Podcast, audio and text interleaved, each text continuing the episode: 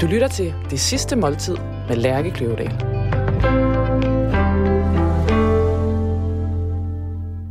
Danika, mm-hmm. hvad har du i flasken?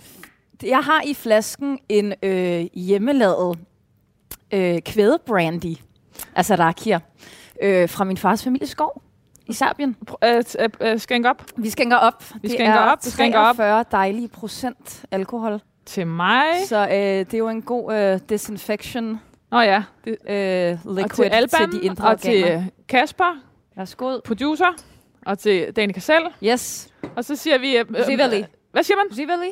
Shivali. Shivali. Skål. Woo! Velkommen til det sidste måltid. Jeg hedder Lærke Kløvedal, og jeg er journalist og medanmelder på Politiken. Hver uge inviterer jeg en gæst til at spise deres sidste måltid sammen med mig. Gæsten har valgt en forret, en hovedret og en dessert, som udgør deres drøm om det sidste måltid. For inden har jeg skrevet gæstens nekrolog ud fra de artikler, der over årene er skrevet om gæsten. Undervejs i programmet læser jeg nekrologen op, og på den måde får vi forhåbentlig i fællesskab fundet frem til gæstens eftermæle. Ugens gæst er skuespiller Danica Surcik. Øh, Du kender hende blandt andet fra filmen Stille Hjerte, fra afdeling Q-filmen Fasandræberne, fra komedien Mødergruppen, fra tv-serien Kriger på TV2, fra balletfilmen Darling og for en hel masse roller på blandt andet Det Kongelige Teater. Danica har valgt menuen, og den har virkelig været til forhandling. Der er blevet talt meget om den her menu. Og vi starter med øh, rejechips med sur sød sovs. og øh, grillede rejer, Mediterranean style, det er noget tomatsovs. Og så fortsætter vi med øh, sort blæksprutte risotto. Det er corona-spritte. helt afsprittet Corona- risotto. Og slutter af med en øh, chokolade raw food cake. Velkommen til skuespiller Danica Surgics sidste måltid. Velkommen til, Danica. Tak. Og nu er vi jo øh, allerede godt i gang med... Øh, jeg var Ja. lige ved at sige, hvorfor siger, har jeg lyst til at sige Slivovic?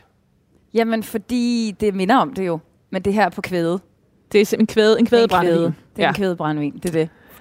Får lige uh, de første snacks her. Tak. Der er lidt rejechips med sauce. Så har vi nogle uh, argentinske rejer i uh, tomat og uh, godt med hvidløg. Shit. Yes. Tak for og så, det. Og så, og Danica, hvad, så drikker vi... Øh, Hvad skal vi drikke? Skal vi drikke spritzer til, tænker jeg. Ja, klart. Og forklar lige, hvad det er. Jamen, det er bare noget billig hvidvin med en masse danskere i. Egentlig så burde den her menu have været mindst dobbelt så stor. Ja. Altså, fordi øh, du øh, havde virkelig mange retter, du gerne ville have med. Og du synes, det var, Ja, det var svært du at vælge. synes faktisk, det, var, det var, nedtur at skulle vælge. Ja, det var svært at vælge. Og du synes, kompromiset var okay, men også irriterende. Da jeg ligesom end- end- vendte tilbage og måtte sige, okay, nu det er sådan her, det bliver, og du ved sådan... Ah, Nå, du men det er svært ikke, fordi det er det der med sidste måltid. Går man, går man så efter sådan, jeg skal bare have, det skal bare være nostalgitrip. Jeg skal bare have spaghetti med kødsovs. Ja. Eller, du ved, eller skal man gå med kaviar, eller skal man gå med, eller skal man gå med noget, der har en, en, en helt speciel betydning for en, der, der minder en om barndom. Eller, ja. Ja. det er lidt svært. Det er svært at vælge. Ja. Så, Men, men, så øhm, valg, hvad valgte du nu? Men nu vælger jeg så de her rejer. Øh, rejer i noget tomatsovs, som øh, helt klart minder mig om øh, sommerne i Montenegro, hvor vi havde et lille sommerhus ud til vandet. Øhm, og der var en lille, min øh, forældres gode ven, ven af familien, som havde sådan en lille øh, hjemmelavet øh, restaurant nede på den her øh, lille klippestrand. Og der havde han jo hjemmegroet alt, og kom med frisk fisk om morgenen og det hele. Så der var, øh, så det minder mig bare om den der, det er jo klart, det hænger også sammen med området med solnedgangen, med, med duften og med havet og det hele. Men, øhm, men det er en god sådan øhm, barndomsminde, hvor man bare sådan slikker hele skålen ren af tomatsovsen. Ikke? Ja, det var, det stod nærmest også, det var en del af sådan menuen, at det, at det, at, at, at det, Det skal være fedtet. sådan, jamen det er det, Ja. det, det, det det. Nu øhm, læser jeg din nekrolog op. Okay, gør det. Den hedder Danica var lige med drama. Ja. Så fortsætter den sådan her.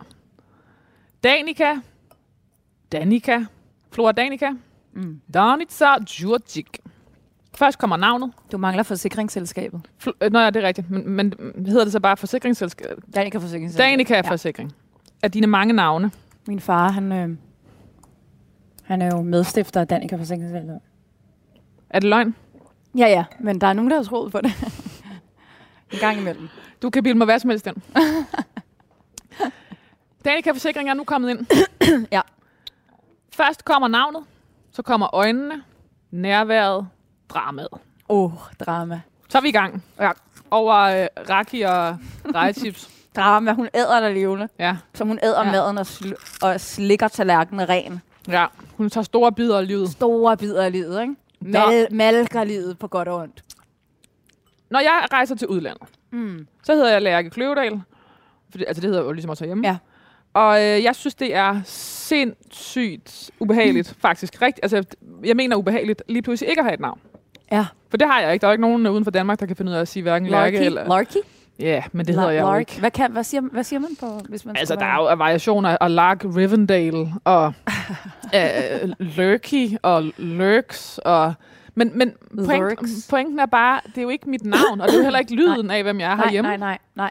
nej. Og øh, altså, øh, altså, jeg kan jo ikke engang finde ud af, altså, jeg sidder og øver mig på navnet. Jeg kan ikke sige det navn, som det skal siges. Altså, hvordan... Men det er også lidt svært, fordi jeg, jeg tror også, jeg blander det jo lidt op, fordi jeg har tendens til at udtale mit efternavn på serbisk, men fornavnet med dansk udtale.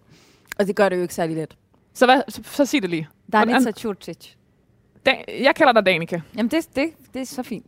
Danika begyndte karrieren med at gå, øh, at gå så hårdt til den under optagelsesprøven på teaterskolen, at hun brækkede næsen. Dermed var vejen banet.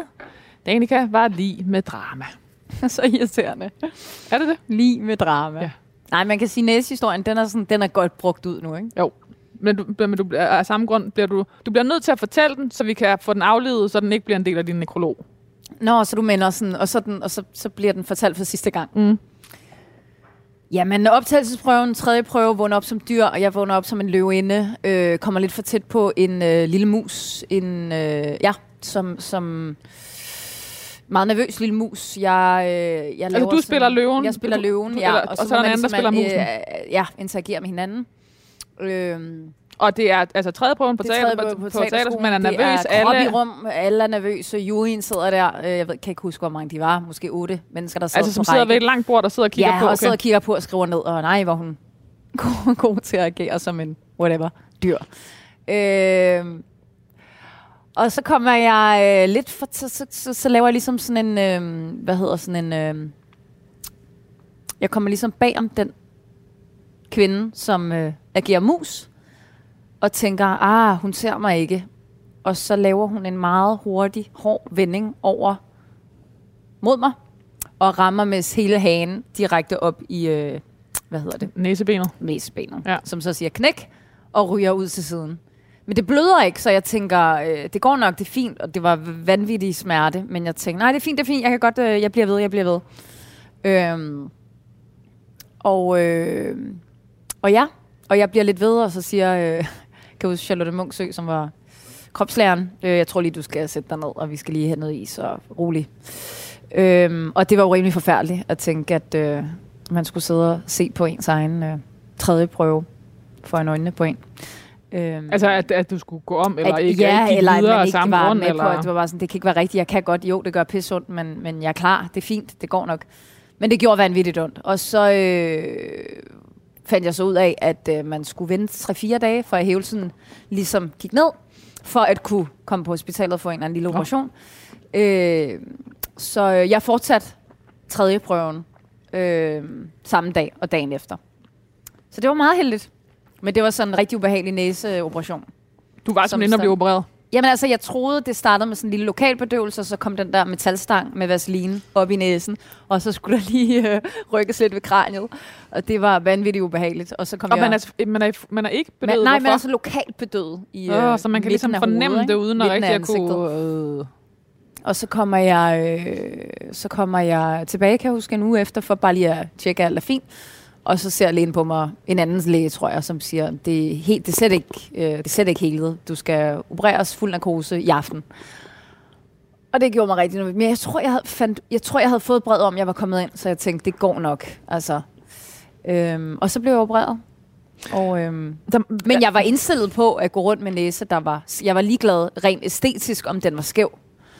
Øh, men øh, lægen fik mig heldigvis overtalt til, at øh, det handler ikke om skævheden. Altså, det handler ikke om æstetik, det handler om, at du for helvede... Kom, det kommer til at have indflydelse på din, på din luftveje. Altså, så der, det kunne jeg godt se. Ja. Men altså, næserne er jo sådan rimelig karakteristiske i øh, familien. Det er jo lidt nogle ørnenæser, der går igen. Altså, jeg tror helt klart, det er næse, der kommer til at vokse med alderen.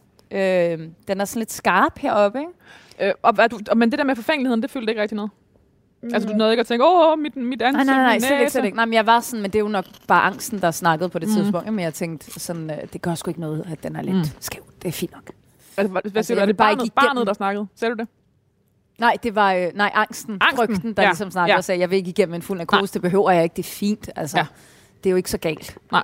Øhm, men øh, det var meget godt, at jeg fik, øh, fik lavet sådan en lille... Og altså, jeg kan jo godt forstå, hvorfor det her det er en god historie. Fordi ja. Ja. din karriere har været, som den har været Mm. efterfølgende. Så det er jo sådan et dejligt billede på. Jamen, det er det måske, at man øh, kæmper, kæmper igennem, selvom det Fuldstændig. går... Og den der, og sådan en... Øhm, øh, jo også noget, øh, altså enormt til, til, et, et nærvær og, et, til, og en noget at være til stede på. Ja. Øh, og Ja. selvfølgelig også en meget fysisk øh, mm. øh, Mhm. ankomst til te- teaterbranchen, eller Det er til rigtigt, film, eller det er til skuespillerverdenen, ikke? Jo, jo, jo. jo. som jo på mange måder også har karakteriseret dig sidenhen. Altså, ja. Ja, øh, sådan, ja. de fysiske roller har været øh, Ja, Det er gennemgående. rigtigt. Det er rigtigt. Men nu, skal, nu, kan jeg, nu bliver det endnu værre. Nu bliver det værre. Danica kom til Danmark fra Serbien som etårig, og var Ja. indbegrebet af fremmedartet temperament. Vild, voldsom og fuld af følelser. Det er overhovedet ikke rigtigt. Jeg, var den me- jeg, var det, jeg tror, jeg var det mest generede, bange, angstbarn. Ej, okay, angstbarn. Jeg var meget generet. Jeg var meget kredsen. Sindssygt kredsen. Jeg har sådan et billede af... Øh, jeg har sådan et billede derhjemme. Af min, jeg ville jo have min mor skulle pille skinnet af røde pølser. Og så stod jeg med sådan en stor, lang, blævrende tingest, som man heller ikke ved, hvad er. Lidt ligesom de her dejlige rejechips. Øhm, så det var, altså, jeg var enorm, enorm kredsen. Altså, røde, den der røde, røde skin på røde pølser skulle bare af. Øhm, øh, og tingene skulle være meget adskilte, og øh, lever på steg og sådan noget. Det var bare ikke, ej, det var ikke mig. Det var ikke mig. Jeg har det stadig svært med lever på steg. Øh, men, øh, men det ændrede sig, tror jeg, med de mange rejser. Øh, det tror jeg faktisk ændrede sig med rejserne. Det er jo et, øh, det er et ret, øh, ukræ, en ret ukredsen menu, du har lavet her. Måske skal jeg lige nævne, at du, at du ville også gerne have haft, øhm, det var svært at vælge. Jeg var ude i sådan noget, skal vi have noget burek? Altså noget, ja, som er sådan en, en pirog, en, en, en øh, pirog med øh, kødfyld, ikke? Eller jo, jo, som også skal være nemlig, vegetarfyld. nemlig, Ja. som, som virkelig er sådan en, ja. det er bare lækkert og meget fedtet og meget sådan en, en ting, jeg spiser en gang om året, når jeg tager til, tilbage til Serbien. Og så havde vi snakket Øhm. om, at du skulle have haft gulasch til hovedret. Gulasch snakkede vi også om, men jeg var også lidt i tvivl, Gulasch? fordi det var det er heller ikke, fordi jeg... Det var sådan en gang, jeg er sådan rødvinsgulasch kan være rigtig lækker. Men vi spiste jo altid øh, suppe, klar suppe med, øh, med melboller, for eksempel, øh, til, før man spiser en hovedret. Jeg, jeg voksede op med, at man altid spiser suppe øh, før en hovedret. Som er sådan en måde at strække måltidet på. Altså Ja. sådan en... Øh, mm. nø, altså, det er sådan en gammeldag, og man, nø, man nøder lidt. Ja, måske. måske. Jeg ved faktisk ikke, hvad det helt kommer fra, men, øh, men suppen før, før måltid, det er sådan et, det er et must, i hvert fald i vores Ja. Min mor er vokset, altså hun er vegetar. Nej, hun er, hvad hedder sådan noget? Hun, hun spiser fisk. Men, øh, Pesketar. Pesketar hedder det. Ja. Men øh, øh, apropos min fars families gård, øh, da hun mødte min far, øh, når jeg tror nogle år efter, skulle hun øh, for, øh, hvad hedder det, plukke en fasan. Og det var ligesom på, på den her gård, fars families gård. Mm. Øhm, og det var ligesom dråben for hende. Og det Ja. gjorde, at hun simpelthen stoppede med at spise øhm, kød derfra. Det var for Øhm. øh. brutalt. det var for meget. Men jeg tror, hun i mange år ligesom havde skruet lidt ned for kød. På den anden side stod min far, som bare var den største kødæder, altså. Og der var altid, du ved, hver søndag grill ude i haven øh, med hjemmelavet sådan nogle, øh, hvad hedder sådan nogle plæskervitser. Øh, B- burger. ja, alt cevapcici, alt hvad der er, som han stod med en masse krydderier. Der, det var altid sådan en krigszone i køkkenet, fyldt med krydderier og alt muligt, og kødstykker og over kød. det hele. Ja, ja, men altså helt voldsomt, ikke? Og så mor, der, Som der, simpelthen der, ikke der, spiste. der, der tilberedte øh, kødretter hele tiden. Altså hele sit liv har ligesom lavet kødretter, fantastiske kødretter, men har ikke er Spist selv dem. vegetar. Ja. Og hvad spiste kunne hun øhm. godt spise? For eksempel gulaschen, men så tog hun kødet fra Nej, nej, nej, nej, hun spiste det slet ikke. Nej, nej, nej, nej. Men hun tilberedte det. til jer. Fantastisk. Til Ja, din ja, ja. mand, eller, Ja, ja. Til, din- eller til sin, Ja, ja, det det. eller til sin det. mand. Ja. Øhm, som er ret vildt. Ja. Altså. Ja. Og jeg kan mærke, ja, med årene, der er jeg sgu også blevet rimelig ja, kredsen med kød. Jeg spiser ikke så meget kød. Hvad handler det om? Jeg tror, det er en blanding, både af den øhm, ja, bevidsthed om, om, hvor kødet kommer fra, tror jeg, i de, i de seneste år. Øhm, at jeg får svært svært ved det. Og så er det også noget faktisk med smagen, tror jeg, som jeg har faktisk altid haft svært ved vildt kød. Eller Ja. sådan, når det er oksekød, lammekød, andekød. ja. Jeg, har, ja, jeg, har ikke, jeg har faktisk ikke kunne lide det. Hun blev født i Beograd i Serbien i 1985 og kom med sine forældre til Danmark, da hendes far fik arbejde på den jugos- jugoslaviske ambassade i København. Mm. Hvor han skulle, øh, han arbejdede med turisme, ikke? Altså han skulle, han skulle fremme øh, Ja. øh, serbisk turisme i, Ja. i Ja. ja. Danmark. Ja. Familien vidste ikke meget om den danske kultur og kunne ikke noget dansk. Altså, jeg tror, de vidste noget om dansk kultur, men øh, de kunne ikke dansk, nej. Men det kom. Det er, det, kom det, det er sjovt, det er en sætning, der er, har gået igen i tre forskellige artikler om Med, med hvad? at, Om at de ikke vidste noget om dansk kultur og kunne intet dansk. Invasion. De var, det var bare the peasants fra kom ud fra landet og sådan, what is this? øhm, dog ikke. Altså, de, ja, de har nok vidst, hvad, hvor de var, selvfølgelig. Jeg tror, de vidste rimelig meget om kulturen, men øh, øh, de er jo øh, højt uddannede mennesker begge to. Men, øh, men nej, de kunne ikke dansk til at starte med, og det kunne jeg jo heller ikke, så jeg pegede mig lidt frem i øh, de første par år øh, i børnehaven og sådan noget. Øh, og så kom det. Altså, du var jo også kun et Øh, år. Det er det, ikke? Så, øh, så det kom med, årene, det kom med årene, ikke? Øh, men, øh, men min far, det har stadigvæk... Øh, uh, det, det fik han sgu aldrig helt lært til bunds, må jeg sige. Det er sgu Men- lidt vildt. Men, men dit mor... Øh, Hun taler dansk, ja, Ja. med lidt accent, ikke? jo, jo. Hun voksede op i Sundby på Amager, Mm-hmm. og forældrene åbnede et rejsebureau Ja. ja. og grundlagde dermed en opvækst med rejser og indtryk fra hele verden. Det kan man godt sige. Ja. Det synes jeg egentlig er fint. Ja. Det kan man godt sige. I blev, I var... At rejse var simpelthen en del af din øh, opvækst og jeres øh, hverdag, altså, det eller var hvad? det ret meget. Altså ikke hverdag, men, men, men ja, i og med, at de havde et lille rejsebureau, Quality Tours. Hvad hed det? Quality Tours. Ja. Øhm, så øhm, ja, så sker, jeg tror fra sådan 8-9 år- års alderen, så begyndte de der små rejser, som også var en ret fantastisk måde at være sammen på. Øhm, så ja, der var det en masse øh, forklædte business trips rundt omkring i verden. Øhm, dengang havde jeg ikke flyangst, det har jeg så nu. Øhm, Det må være relativt besværligt i forhold til dit job. Ja, det er der også, men på en eller anden måde er det også meget rart, at, det, at der også er kommet den her, øh, at man fatter nu, hvor fuck det er for klimaet, ikke? Så, øh, så øh, jeg vil med glæde hellere tage tog, eller øh, busser måske også faktisk, men øh, det er klart, hvis man skal over til USA, eller skal til, så bliver det lidt svært, for jeg har også rigtig svært ved at sejle. Det er dog også blevet lidt bedre til fra sidste Altså, er sommer. det søsyg, eller hvad? Eller er det, øh, er det, det samme, er det samme Ja, type angst? og sådan lidt øh, angst for det der store, kæmpe hav. Ja. Øh, men det kom jeg dog lidt over øh, øh, sidste sommer, da jeg lavede den kroatiske film, hvor der, det foregik rigtig meget ude på havet. Øh, og der fik jeg faktisk lidt fornemmelsen af, for første gang i mit liv, den frihed, der ligger i at sejle. Som du sikkert kender meget til.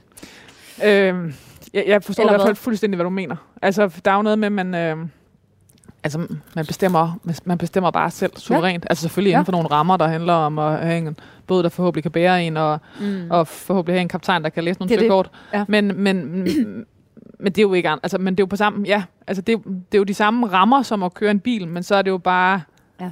det der hav. Ja. Hvis man ikke er bange for det, men hvis man er det modsatte af bange for det, så bliver det jo, øh, så bliver det jo ens øh, største frihed.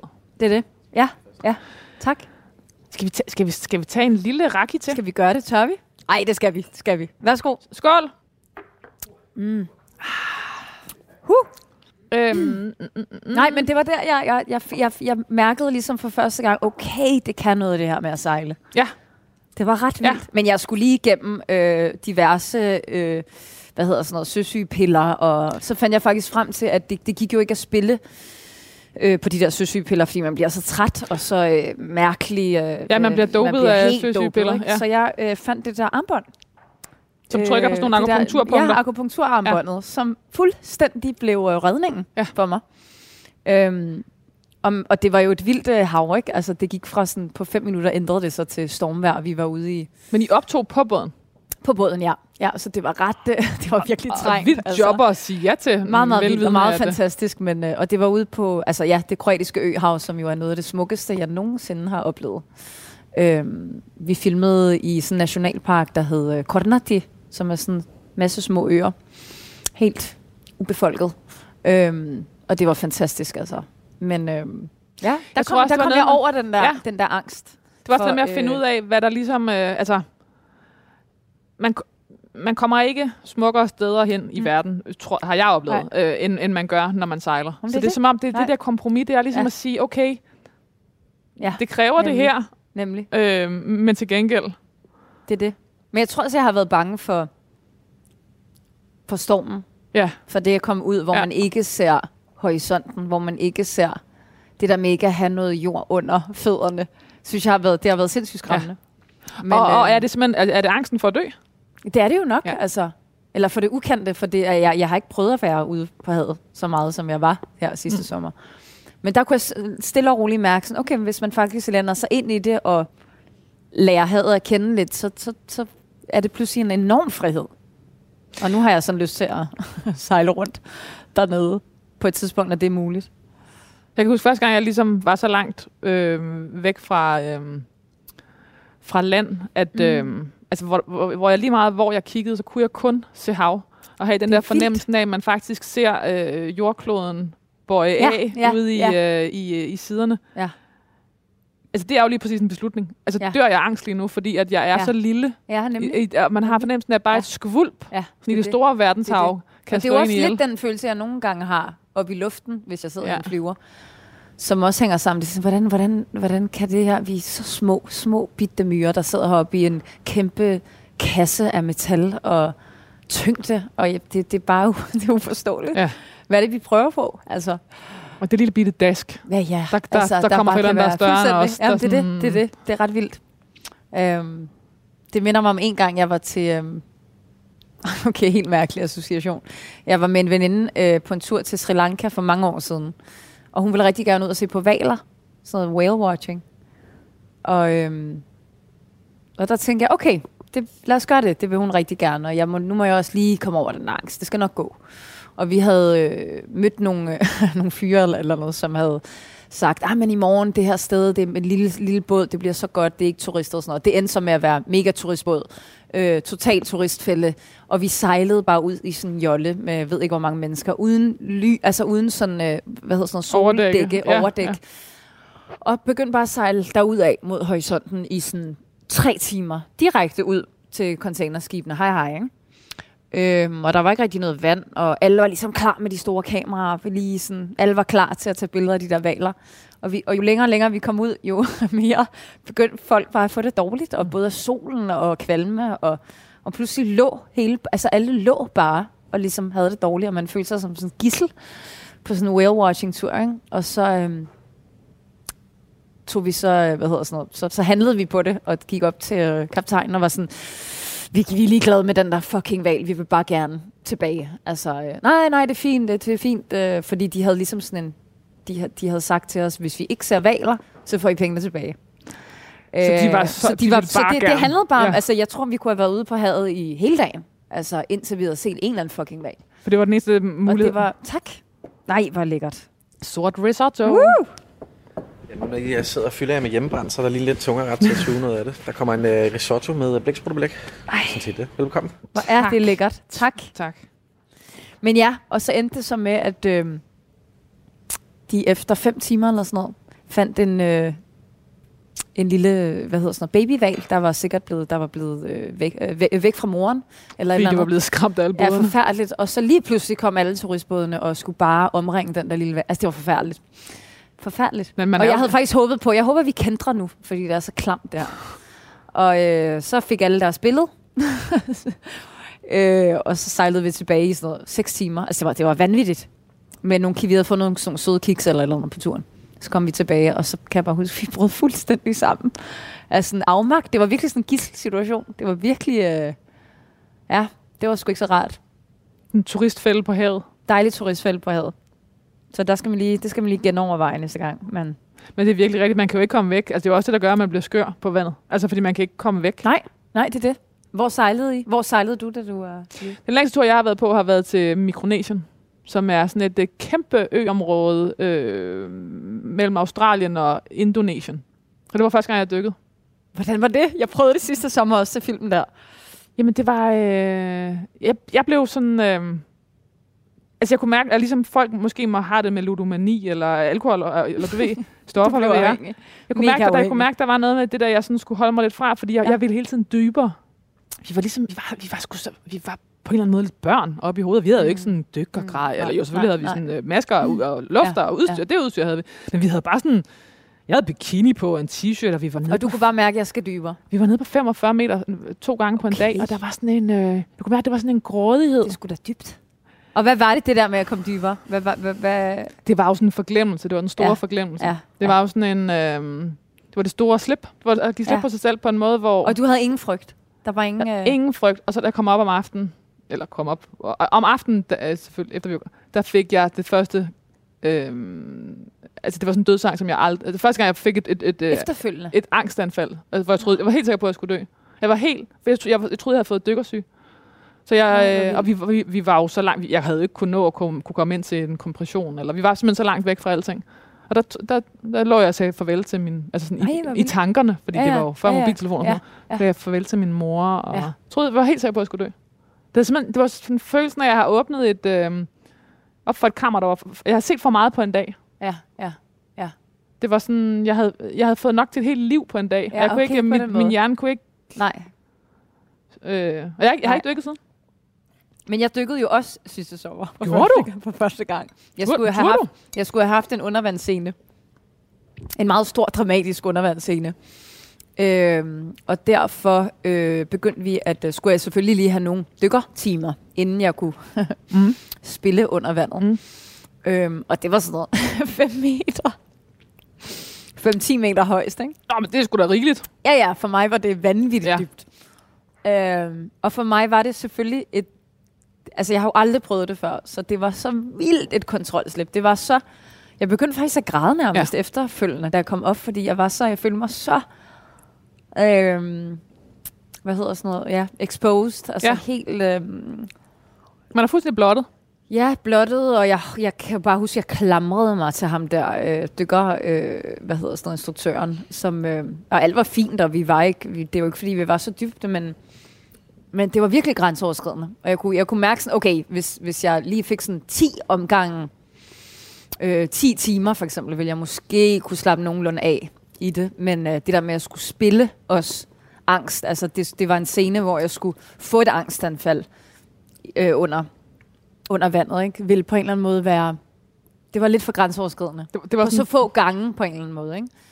Fordi, du, du, fordi du skulle kunne kontrollere dit spil, når du nemlig, skulle spille nemlig, angst. Nemlig, nemlig, nemlig. Og jeg kunne mærke sådan, okay, jeg skal minimum have altså 10-15 dykkertimer, før jeg slapper af fuldstændig, ikke? Men det var vildt det der med, at man... Ja, at man er så meget ude af kontrol. Øhm, Ja, altså, og, og det der med, og, og at det vigtigste ligesom er rolig, træk vejret, stille og roligt. Bare bliv ved med at trække vejret, man hører. Det eneste, man hører, er vejrtrækning. Det, det, er på en, det, det er sindssygt smukt, men man skal virkelig lige over. men det er jo også den kontrast, ikke? For du har kun Jo. dit åndedræt. Det er det eneste, der ligesom det er fører det eneste, dig igennem. der, du de der, hører. Det er det eneste, du ja. hører. Så du kan også høre din egen panik, så snart den sætter Ja. ind. Ja. Ja. Man er virkelig blottet. Og det er ligesom kun havet, der kigger, men det er så Mm. også det, der kan opslutte, ikke? Mm, det er det. Ej, hey, vi har jo sakke på bordet. Vi har slet på bordet, og vi har, på. vi har aftalt, at... Øhm, Ej, den er varm. Ja. Nej, varm sakke, hvor lækkert. Vi har aftalt, at, øh, at vi... Øhm, at vi sked på alt, hvad der, er noget, hvad der ligesom passede sammen. Så vi skulle kun have alt det, du kunne lide. Alt det, jeg kan lide. Jeg elsker sakke. Jeg elsker følelsen af sakke i kroppen. Ej, det smager virkelig godt, det her. Det er... Altså, det er, sådan, Det er virkelig, sådan virkelig godt. Comfort, comfort, Men det er comfort øh, food. ja, Ja, det er det. og Det er på, sindssygt øhm, godt. Og det er so- helt sort. Pænt højt niveau. Mm. Hun debuterede lige så dramatisk på selve det kongelige teater Mm. i hovedrollen som den store skøge i skandaleforestillingen Lulu. Den store skøge, der pissede på gulvet foran det dyre publikum. Præcis, hvor hun startede først scenen med at at tisse på gulvet. Pisse, og det gjorde jeg jo ikke. Det var jo bare en vand. Var det hedder snyd? Sådan en vanddepot i underbukserne. Men det var simpelthen sådan, du en- entrerede den, øh, den danske øh, teaterscene, Men jeg kan huske, at Trine Hvidemann var sådan, kan du tisse? som var Men instruktør. jeg kan ikke tisse på kommando. Jeg kan ikke tisse foran folk. Jeg kan ikke, jeg kan ikke. Jeg kan ikke skide og tisse foran folk. Altså, det kan jeg bare ikke. Så sådan noget øh, festivaltoiletter, øh, når der er folk, der står i kø, eller bare det, at der er en kø. Jeg, jeg kan ikke, jeg kan ikke, jeg kan ikke presses til at gå på toilettet. Jeg kan ikke. Det går ikke. Jeg synes, det lyder sundt.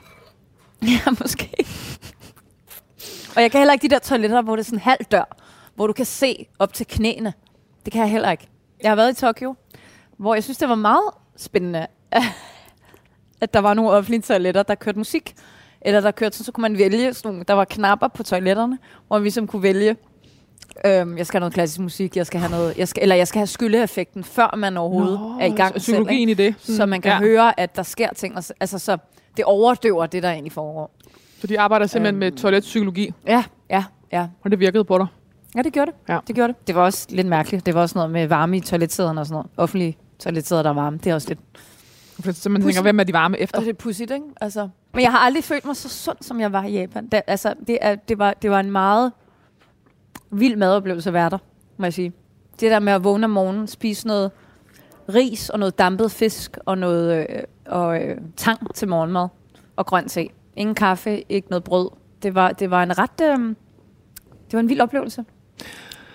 En af dine filmroller var som, øh, hvor du var, spillede du balletdanserinde. Ja. Darling ja. hed filmen, øh, Ja. Birgitte Stærmos film. Øh, hvor du tabte dig 14 kilo til... Øh, Ja. Der var jeg en tynd pige. Og der var selvfølgelig et helt... Altså, det tager jo lang tid at tabe 14 kilo og komme mm. i, i form, så man pludselig skal ligne en, øh, en balletdanserinde, der har danset ballet i hele sit liv. Det her smager så godt. Og det havde du ikke fået lov til at spise, hvis du skulle, Nej, slet ikke. hvis, du hvis, du skulle Fyldt med lave carbs. darling lige om lidt. Fyldt med carbs. Men, og, og øhm, der, altså, øhm, der, er det rigtigt husket, at der ligesom også skete noget med det der med kosten?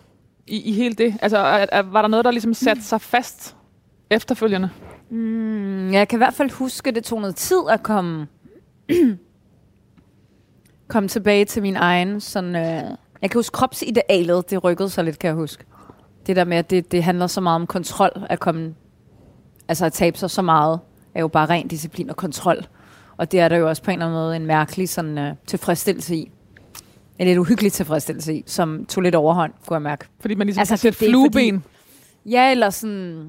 Men det var uhyggeligt, for jeg kan huske det der med, at jeg så mig selv i spejlet og stadigvæk tænkte selv fucking 14 kilo under. Tænkte, åh, øh, ej, øh, mm. appelsinhud, ej, der er lige lidt her og sådan noget. Det, det er uhyggeligt, altså. Vanvittigt. Men det der med at, at, at være sund, og øh, den der måde at spise på i Japan, var det, var det en, altså, havde du registreret det før Darling? Ja, ja, det var før, men det var ikke fordi, det hænger sammen på nogen måde, sådan rent. Okay. Øh, nej, det var mere sådan en, en velvære-følelse. Ja. Altså, øh, darling, det var jo bare ren... Øh, jeg skal ligne en danser, en balletdanser, jeg skal ned i kilo. Øh, Hvordan kommer jeg Og- hurtigst derhen? Ja, Ja. basically. Ja. Men selvfølgelig på en sund måde. Det var jo ikke sådan, at jeg bare sultede mig selv fuldstændig, men jeg kan bare huske i, mod slutningen, eller under optagelserne, så kan jeg huske, jeg, hvor, jeg- kan, jeg, kan jeg bare huske det der med, sådan, så røg kiloerne ret hurtigt, og jeg behøvede ikke at tage mig mere, men det, jeg blev lidt ved i den der sådan Mm. rille. Øhm, ja, og kroppen gik lidt i stå, kan jeg huske. Og så efterfølgende var det lidt svært, det der med, så tænkte jeg, du ved, så tog jeg nogle kilo på og tænkte, det er fint, nu er det godt, det er dejligt, det er fint, ikke mere. Men det var jo stadigvæk ikke min ideelle vægt overhovedet. Altså, jeg var jo langt under stadigvæk. Så det tog lige noget tid, kan jeg huske. Øhm, men, øhm, men det var da vildt at mærke, hvor meget det påvirkede, hvor meget altså, maden påvirkede, hvordan jeg havde det. Og så begyndte jeg jo så at ryge helt sindssygt, og så k- køre med de der klichéer, men de er jo klichéer på grund af, der er en grund til det, ikke? Altså, sort kaffe og cigaretter, ikke? Øhm, Lulu var jo- det var simpelthen din første rolle efter teaterskolen, ikke? mm. Det var det. Kæmpe rolle. Du var sindssygt ja. ung. Ja, helt Det var en vildt. kæmpe... Øh, selv, rollen i sig selv var stor, Ja, og det var ja. på det kongelige teater. Helt vanvittigt. Og kæmpe vilde spillere. Og, Jeg skriver her, det var i samme forestilling, hvor en scenvæg Ja, øh, faldt faldt, ned, og før premieren. Og lemlæstede kollegaen Søren Sætter Lassen. ja, ja. Helt forfærdeligt. Helt for vanvittigt. Vanvittigt debut. Vanvittigt, altså. Ja, det var vanvittigt. Det føltes enormt øh, sådan, det mærkelige forbandede stykke, ikke? Som sådan... Ej, det var vanvittigt. Både fordi det var en debut, og det var måske en lidt for stor rolle, og det var... Der var selvfølgelig sindssygt meget præstationsangst, og, øh, og så skete det der, som bare var utænkeligt, det der bare ikke måtte ske. Og han jo simpelthen var i livsfare. Ja, og ja, er du i, sindssyg? og, Og jeg sad hospital. en, jeg tror, jeg sad en meter fra den der væg. Øh, og jeg kan huske, jeg sad, jeg, vi kørte, jeg kørte en eller anden, jeg ved ikke, hvad det var, en eller anden monolog til publikum, og heldigvis var der ikke publikum den på den øh, eftermiddag. Og det skulle der egentlig have været, kan jeg huske. Fordi det var så tæt op til premieren, ja. så det var det en af de sidste Og prøver. så kan jeg bare huske skrig og råb, og så tænker jeg, nå, er det nu en ny, øh, det er måske en ny note, som jeg ikke lige var forberedt på. Nå, okay, folk skal skrige af helvede til om. Skal jeg Det er noget, du huske. simpelthen har tænkt. Ja, jeg forstod så ikke, ja. hvad der skete, for jeg var jo foran det hele. Og jeg hørte det, jeg, jeg forstod ikke, hvad det var. Og så ku- kan jeg huske, øh, instruktøren, scenografen, øh, løb op til scenen, og så kiggede jeg mig. Øh, ja, kiggede bagud og så, at... Øh, og så kunne jeg høre, at Søren nynnede, tror jeg, noget, så jeg tænkte ikke med det samme død. Øh, men jeg kunne høre, der var liv. Øh, men det var forfærdeligt, altså. Det var, det var så skræmmende. Og der gik jo også to-tre uger med sådan kan jeg huske, vi havde sådan en masse gruppemøder, terapi øh, sessions alle sammen. Skal man overhovedet gå videre med det her? Skal man lade være? Øhm, så det var, en, det var vanvittigt. Altså. Og heldigvis fik han det godt igen. Øhm, og så fortsatte vi. Det var vildt. Og så kan jeg huske, at premieren, så var der også en eller anden scenevæg, der sad fast, og vi måtte starte om igen. Og... Ej, det var vanvittigt. Men øh, vi kom igennem, og jeg lærte meget af det, må man sige. Og så var du ligesom, øh, så var du i Virkelig. gang, kan det man, var lidt den øh, der næsehistorie ja. også, ikke? Ja. Så skal man lige igennem nogle... I, men nu fortsætter jeg bare. Du fortsætter I, med i forestillingen øh, Du Lort. fortsætter med drama. Ja, I lort. forestillingen Ja. Lort sad hun splitter nøgen på scenen i rollen som kvinden, der krænger sin indre lortespand ud over det Ja, hele. Danica elsker at være nøgne. Er det, endnu, det er endnu en... Øh, Hun er bare nøgen hele tiden. Hun viser bare patter hele tiden. Ud med brysterne. Ja, så ved vi, hvor vi har kvinde hende. med stort Q. Den nøgne lort. Politi- Politikken skrev, her var al den frygtløshed og det fysisk sansestærke nærvær, som blev hendes varemærke. Ja, ja, ja. Bum, bum. Altså, hvad, du har været uddannet i et eller andet to år i ja, alt ja, det her. ja, ja, ja.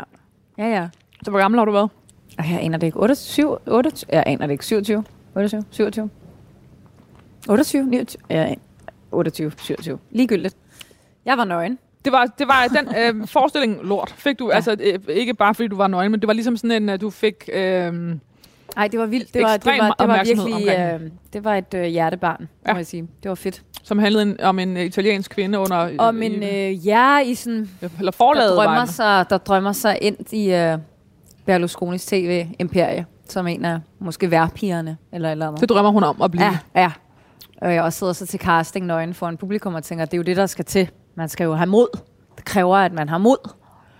Og tør stå frem, og hendes far havde jo selv begået selvmord. Men han tog jo springet, og det kræver mod. Han tog springet foran toget og tog sit eget liv, men det kræver mod. Så hun vendte en helt selvmordshistorie om ja, sit egen fars, sin egen fars selvmord til, til en fortælling om, om et heroisk mod, som hun selv skal have nu, ikke?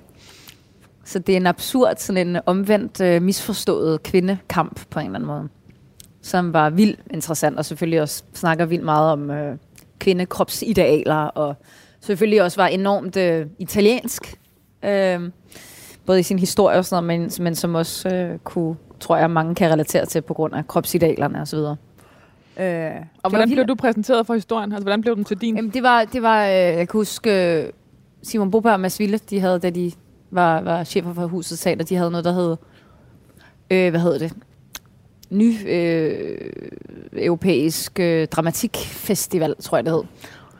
Og der blev jeg præsenteret for teksten, vi lavede en reading, og jeg var bare sådan, den, den, den taler så sindssygt meget til mig. Også fordi det har det der Italien, det har det sydeuropæiske i sig, det har det der gørende op med det der enormt patriarkalske samfund, som jeg selvfølgelig også kender meget til i forhold til det serbiske. Øh, så det, det talte til mig, det var meget ekspressivt, det var enormt politisk, det var enormt også feministisk på et eller andet plan. Øh, og det var bare sådan, det var en opsang, synes jeg på mange måder. Det synes jeg var, det, det, det er bare ikke så tit, at man læser noget, som bare rammer en på så mange planer. Øh, for det var fedt. Det var, øh, Hendes karriere eksploderede i 2014 med hele fire filmpremiere på seks måneder. Med et gik uh, Danica fra at være en upcoming sceneskuespiller på det kongelige, kongelige teater til landskendt filmstjerne, der både fik en robot og en bodil for sin præstation i Bille Augusts film Stille Hjerte, og blev kaldt for vor tids Bodil Kær. Okay, det vidste jeg ikke. Det er da ret vildt at blive kaldt det. Altså, du skulle måske lige have tjekket en avis. Det har stået ret mange steder. Nå, okay, fedt. Nå, hvor vildt. Ja, ja. Jeg stikker lige tallerkenen lidt ren her. Jeg tænker, hvis man skulle dø nu, Mm. det er måske heller ikke så fedt at dø sindssygt med. Hvorfor? Eller sådan smertemæt, tror jeg ikke. Måske ville det bare sådan, måske ville det være meget rart at få tankerne væk fra. Dødsøjeblikket. Okay, vi er klar til næste. Ej, hvor er det lækkert. Jeg bliver nødt til at åbne op for buksen. Jeg gør det. Og op med buksen, det er nu. Nu, nu når vi til desserten. Det er en øh, ja, raw food chokoladekage, lavet med øh, hvad hedder det, pekannødder og øh, dadler og kakao og lidt øh, kokosolie. Øh, olie. Så lækkert. Velkommen. Tak. tak. Det var lige fra den ene Ej. yderlighed til den anden. Kan vi sige det? Jeg dufter, det dufter bare af kokos. Nu, nu, nu går vi lidt mere sådan øh, LA-style. Altså det er ikke fordi, jeg er sådan en total raw food uh, health fanatic. Men jeg synes, raw food kager kan et eller andet. Du har boet i Kalifornien i Ja. flere omgange. Ja, det har jeg.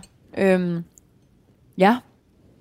Og jeg tror, at... Øh, ja, det har, været, det har jo været lidt et øh, ongoing tema. Det andet mm. hjem. Mm. Fordi jeg gik i skole og jeg har haft... Øh, ja.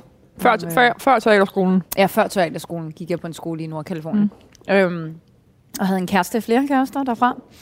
Øhm, så der er der helt klart noget med den der California-vibe, som øh, tænder mig. Altså, der er helt klart noget med, med naturen, som er helt vanvittigt fantastisk. Og så tror jeg også bare det, at det var mit første møde med sådan mit voksne jeg, rigtigt. Både det der med at komme ind i... Det var også første gang, jeg mødte sådan... Øh, min skuespillerdrøm var jo på i Kalifornien. Både med kærlighed, med, med teatret, med, du ved, der er ligesom mange ting, der, der øh, måske hænger sammen med det område. Øhm, og så var det også første gang, nu tænker jeg også bare med mad og sådan noget, at det er også første gang, jeg blev sådan introduceret til, du ved, vegansk mad, eller noget sådan lidt, øhm, jeg kan huske Café Gratitude, også var sådan en vild ting. Ja, Hvad var det? jeg ved ikke engang, hvorfor jeg nævner det, for jeg synes, det er pisseirriterende også. Men jeg kan bare huske, det var en af de der store sådan, what, hvad er det her? Det var en restaurantkæde, som øhm, en vegansk, nej, plantebaseret, tror jeg. Ja, plantebaseret øh, restaurantkæde, som hed I Am, øh, som hed Café Gratitude, øh, hvor alt på menuen hed øh, I am grateful, I am bountiful, I am inspirational, bla bla bla. Og så kan jeg huske, når man bestilte noget og sagde, I am, øh, hvad kan man sige, beautiful, så sagde tjeneren, yes you are. Så det skulle ligesom være sådan et Ja, ekokammer. og det var virkelig irriterende, men på en eller anden måde også meget rart. Altså, øhm, du sådan havde kærlighed, jeg har til, til det. fordi du synes, til det er for New Age meget, og fordi du synes, det er ret fedt. Men det er også ret fedt, men det er også alt for meget. Øhm, men indholdet er jo godt, kan man sige. Ej, hvor den god. I Den er helt 2015 øh, fik hun tilbudt øh, en rolle i Netflix-serien The Mist. Mhm. Baseret på Stephen Kings gyserroman og vendte tilbage til Kalifornien, hvor hun før teaterskolen havde gået på klovneskole. Mm. The Mist fik lunkne anmeldelser, og hun savnede Eller ikke en klovneskole, men øh, det er til skole. Commedia del skole. Og Prøv at forklare, hvad det er. Øhm, det var både, det var fysisk teaterskole, som er lidt absurd at sige fysisk teater, fordi det er alt teater på en eller anden måde. Men øhm, hvor vi øh, tog ud, øh, fysisk udgangspunkt til karakterer. Så det var ikke sådan psykologisk, enormt psykologisk, men man arbejdede med masker, med klovn, med melodrama og sådan noget. Så det var ikke en ren klovneskole. Men øhm, Man skulle også ligesom eksempel være sjov på kommando. det, det kunne man prøve, Ja. men det blev man aldrig selvfølgelig. Nej. Øh, serien fik lunkne anmeldelser, og hun savnede Danmark, når hun spillede i udlandet. det er sjovt. Ja. Hvorfor griner du? Fordi, øh, den, nej, jeg synes bare, det var meget sjovt. Den fik lunkende anmeldelser. Det gjorde den jo. Det var en kæmpe rolle, som ja. Fik lunkne anmeldelser. Som fik totalt lunkende anmeldelser, altså. Men det var Stephen King. Det var Stephen King. Og, ja. øh, og det var... Øh, Det, der også nogle gange kan være lidt sjovt med sådan nogle raw food kager, det kan godt ligne lidt en gedelort en gang imellem.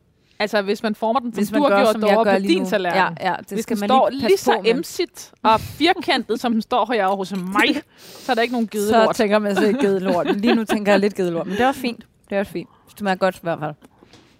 Ja. Hvordan er det at forlade Danmark? Øh, kæmpe succes i Danmark. Tag til øh, USA, Canada, for at lave The Mist. Det var fedt. Det var sindssygt fedt. Øhm, der, jeg, det var en lidt hård periode, kan jeg huske, at tage væk fra Danmark, men øh, fordi der var sket sindssygt mange ting i mit privatliv, men øh, det var sindssygt befriende at være derovre, og man var, ligesom man startede på ny, og øh, øh, lære en by at kende, og det var et fantastisk sted. Altså, jeg synes, det var sindssygt fedt. Og hvordan er det at lave noget, som man ved jo ikke, end- ender Om det med godt mindre godt? dårligt. Ja. Det, altså, det er jo lidt den chance, man tager altid, ja. ikke? Jo. Øhm, men jeg synes, det var spændende. Jeg synes, det var fedt at arbejde med Christian Torpe, som havde skrevet det. Og, øh, Som er dansk øh, Ja. forfatter. Ja, som er som også- det og også en god var- ven, var- og det var sindssygt fedt, at han var der. Og, Og, og hans første store øh, Det er det, det er det. internationale det det. Så manuskript. det var, nej, jeg elskede det. Altså, jeg synes, det var totalt befriende. Og, og jeg har ikke nogen problemer med som sådan at øh, tage væk hjemmefra. For jeg tror også lidt, følelsen af hjem er mange steder for mig. Øh, det føles også som et hjem derovre hurtigt. Altså, jeg, jeg kan i hvert fald mærke, at jeg er god til ligesom at... Øh, og det hænger jo nok sammen med det der lidt dobbeltkultur og at have rejst så meget og sådan noget. Så der, der, øh, for mig er det kun en, en øh, ja, en gave at få lov til. Ja, altså ikke bare dobbeltkultur, men på en eller anden måde milliard forskellige kulturer. Ja, ja. Og så er du alligevel bange for at flyve. Jeg er så bange for at flyve det der. Ja. Det er lidt, det skulle, ja. ja. Hvad tænker du om det paradoks? Jamen, øh, det er sgu specielt. Det har dog ikke stoppet mig fra at rejse. Og øh, så er det jo gode, at man kan tage tog, eller man kan... Måske skulle jeg prøve at cykle. Til USA? Måske ikke til USA, men mm-hmm. måske skulle jeg prøve at cykle en dag til. Men så skal jeg have gang i sådan en sportscykel, og det har jeg ikke været så god til. Så får jeg dårlige ryg af det, tror jeg. Det der med at sidde så for langt foroverbøjet, ikke? Men det kunne være fedt med en cykelferie. Køre totalt dansk cykelferie. Til... Øh, ned til Serbien på cykel. Why not? Måske, måske bliver man nødt til at tænke i nye løsninger. Men det, det gør vi jo. Det bliver mm. man nødt til. Eller et nattog. Nattogene må tilbage. Det gad jeg godt. Det var det gad jeg virkelig godt. Ja. Madpakker med i nattoget. Ved sin død var hun midt i optagelserne på den danske Netflix-produktion Equinox. Var det, for, var det vildt? Mm. Hvad skulle jeg dø af nu, tænker jeg? Blive kørt over en bil. Der, Eller- ja. Der er meget få ting, du kan dø af, fordi at øhm, Eller alle, corona, altså, jamen, alle dødsstatistikker er jo faldet helt vildt på grund af corona. Ja, Der er jo altså, trafikuheld, syv, bare, vi banker under bordet. Vi, skal ikke jinx noget. Men altså, um, trafikuhelden er jo også for nedadgående, for der er ikke nogen, der er, bevæger sig rundt i trafikken. Nej, det er det, det er det, det, er det. Hvad kunne jeg dø af så nu? En tumor, eller? Nej, eller det, det kan, eller det kan vi ikke overskue. vidst, eller? Tumoren, den er for led. Eller også tager jeg for mange sovepiller. Klassisk, ikke? Jo. Hun Jo. tog for mange sovepiller. Hun troede, det var zink Ja. og D-vitamin. Men det var sovepiller. Eller så er der nogen, der slår mig ihjel. Hvem kunne det være? Mm. Det ved kun du. Har du... Kender, kender du Åh, nogen, der har lyst til at slå dig ihjel? Mm, måske. Måske har jeg det. Ej, det ved jeg ikke, om jeg har. Jeg kan ikke lide at være uvenner med folk. Jeg kan ikke lide at vide, at der er nogen, der hader en. Det kan jeg ikke lide. Kan du ikke lige være i konflikt? Nej, det kan jeg ikke. Jeg er meget dårlig til konflikt. Uh, jeg er dårlig til konflikt. Hvad gør du ved det? Altså, øh, jeg arbejder på ikke at blive lammet i sådan nogle situationer, og bare være stille. Jeg arbejder på, øh, og det går lø- lidt imod vores dejlige øh, nekrolog. Drama-kvinde, der bare... Nej, det har jeg lidt svært ved. Jeg har svært ved konflikt, men jeg øver mig i at øh, ikke at panikke i konfliktsituationer. Fordi hvad, hvad gør panikken ved dig? Øh, den lammer mig. Den gør mig øh, angst. Så, du, så du, øh, hvordan reagerer du, når du er lammet At jeg angst? ikke ved, hvad jeg skal sige. Jeg aner ikke, hvad jeg skal sige. Jeg aner ikke, hvordan jeg skal handle. Og jeg prøver bare at, øh, hvad hedder sådan noget, glat ud. Glat ud, glat ud, glat ud. Gå over i en anden. Det øver jeg mig på at lade være med. Og at være åbenmundet i konflikten? Er det det, du øver dig? Ja, og, og tænke, det er ikke min skyld. Rolig. Det behøver ikke være min skyld, og det er ikke mig, der skal påtage mig hele ansvaret. For at det hele løser sig. Eller for at konflikten er startet. Ved sin død Ja. var hun midt i optagelserne på den danske Netflix-produktion Equinox, Ja. og stod foran premieren på Undtagelsen, Nå ja, den er jo, ved jeg ikke, hvornår har hvor hun spillede sammen med. Sis Babette Knudsen, Lena Maria Christensen ja. Ja. og Amanda Collin. Ja. En roman af Christian Jungersen, ja. Ja. som er blevet, øh, igen, Christian Torpe, som Christian Torpe har, øh, har skrevet filmmanuset til. Det er rigtigt. Og som Igen. skulle have haft premiere. Nu her for... Øh, hvad var det? Midt slut april, tror jeg. Ja. en, en, en af de meget læste Ja. romaner Ja. i virkelig. Danmark. Ja. Ja. Og nu er det ligesom bare, nu, nu, nu er du på hold. Nu er det på hold. Ja, Det er og, og, og du er på det, er jo, hold. det er jo nærmest to år siden, ikke? Altså, det er to år siden. Nej, okay, ikke helt, men... Jo, det er det sgu næsten. Var det vildt? Det er vildt, ja. Så vi er på hold. Danica kunne det, som andre kan bruge en hel karriere på aldrig rigtigt at lære. Som var At brænde igennem, så at det kunne brænde mær- igennem, så, så det kunne mærkes så det i kunne hver en mærkes fiber. I hver en fiber. Ja. Hun efterlader sig sit livs store kærlighed. Ja. Shakespeare. Plat. Hvor er det plat. Hvor er det plat. Hvor er det Men er det rigtigt? Jeg efterlader mit store kærlighed, Shakespeare. Jo. Nej, nej. Jo, jo og nej. Ja og nej. Jeg har virkelig meget Shakespeare stående derhjemme på hylden. Du har virkelig spillet meget Jeg har spillet Shakespeare. meget Shakespeare, det er rigtigt, det er rigtigt. Og dog mangler jeg stadig nogen. Vi skal lige have Macbeth med, ikke? Før jeg dør. Du kan dø på scenen til Macbeth. Det kunne jeg godt. Det kunne jeg godt. Det ville være enormt dramatisk, faktisk. Så slutter vi jo, hvor vi begynder. det er det, det, er det. det, er det. Æret være hendes minde. Det var det liv. Vildt. Jeg gad jo godt have nogle børn, ikke? inden jeg dør. Men det kan jeg ikke nå, for jeg dør, så, så, så det er jo nu, jeg dør. Så. Det er i slutningen af det her interview. Mm. Hvad skulle jeg dø af herinde? Der er mange knive. Der var en knive. Øh, Eller du kan også er der falde- en masse flasker, der kan falde ned over Ja, hovedet og der er på også mange flader. Der er, sådan, der er mange beton- og metalflader, du sådan kan falde Du uheldigt kunne også på. bare øh, begynde at banke mit hoved ned i betongulvet. Ja. Rigtig mange gange. Eller også kunne I... Øh, Der er også en stor dej, der er nogle kæmpe Eller også kunne I panoramaruder. bare øh, give mig så meget alkohol. Altså, der skal faktisk ikke så meget mere til, tror jeg. Og så bare lægge mig ud på vejen. Altså ud der. Der kører jo ikke nogen biler. Jo, Hov. har I ikke selv en bil? Og så, så kunne I bare komme over. Eller også kunne I øh, drukne mig i, toilet, i, toilet, i toilettet. Det på, øh, der er gad alligevel ikke jeg. nogen vidner herude. Vi har det ingen gad gæster. jeg ikke. Af alle former for at dø, gad jeg fandme ikke dø Eller i få toilet. toilet. Hvad hedder den der? Øh, kumme? Ej! Kumme. Den, den der, man renser toiletter Ja, med. ned i halsen med den. Ned i halsen med den. Det er jo nasty thinking. Ja, det er det. Men det kunne man. Jeg tænker bare muligheder for, hvis det skulle ske lige nu og her. Du kan også øh, brage ud af panoramavinduerne. Jamen, jeg tror ikke, jeg vil dø af det. Altså. Eller også kunne jeg tage en af, af lys, altså tage noget elektricitet i munden, og så gå ned i toilettet. okay. Har du spekuleret på det her for? Nej, det har jeg ikke. Eller også har jeg en pistol i min taske. Det havde været et vildt greb at komme med nu. Så havde vi Ja. virkelig kunne understrege øh, Det dramatikken. Det, dramatikken i det hele. Hun bar dramatikken i sin taske. bare en øh, teater-gun øh, i tasken, oh, ja. som viser at være lavet. Hvad skal der stå på din øh, gravsten?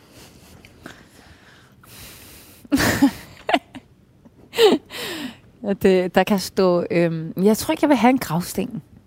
Jeg vil ikke have en gravsten. Jeg tror ikke, jeg vil have en gravsten. Faktisk. Jeg havde faktisk, faktisk altid tænkt, at jeg skulle begraves på den der gård, den, der kirke kommer fra. Der er sådan en lille høj, sådan en lille bjerg, høj, sådan en lille høj. Som Øhm, ligger i Serbien? ja. Hvorhenne? Øh, lige midt i det hele, en time syd for, halvanden time syd for Beograd. Men jeg ved det ikke rigtigt. Jeg ved det sgu ikke rigtigt. Øhm, men det der med at have sådan gravsteder, jeg ved, jeg ved sgu ikke helt, altså. Er det for teatralsk? Det er mærkeligt, det der med at ligge begravet. Ligger ens kadaver dernede. Så heller bare blive brændt. Bare blive brændt. Så man bare... Så kroppen væk. Er der noget, vi mangler? Er der noget, vi mangler? Øhm. øhm, er der noget, vi mangler? Jeg har ikke mere at sige, tror jeg. Kun at lade, lade os sætte punktum ved historierne omkring næsen. Og Lad os få dem... øh, Det, var det. det var det. Nu- nu behøver har vi- Nu skal vi ikke Ja. snakke mere om dem. Ud med næsen. Ud med næsen, ud med... Også ud med Lulu og Tisse, Ja, ja, tissefortællingen. det, det er så... Nu, ikke mere. Nye fortællinger, ikke? Øh, Næste gang vi, øh, vi mødes, næste gang vi skal begrave dig igen, Ja. så tror jeg, du er blevet øh, skipper. Du er blevet kaptajn. Du er blevet kaptajn. Jeg har flyttet mit liv til havet. Der, Det er taget, du er, Der har du været er, lidt havtema nu, ikke? Jo. Ja, Mediterranean havtema. Det kunne Ja. jeg godt forestille mig. Ja. Faktisk. Danika, og øh, Ja. et efternavn, jeg aldrig vil Nej, og det igen vil udtale. Skål. Tak, og tak for indbydelsen, og tak for den fantastiske mad.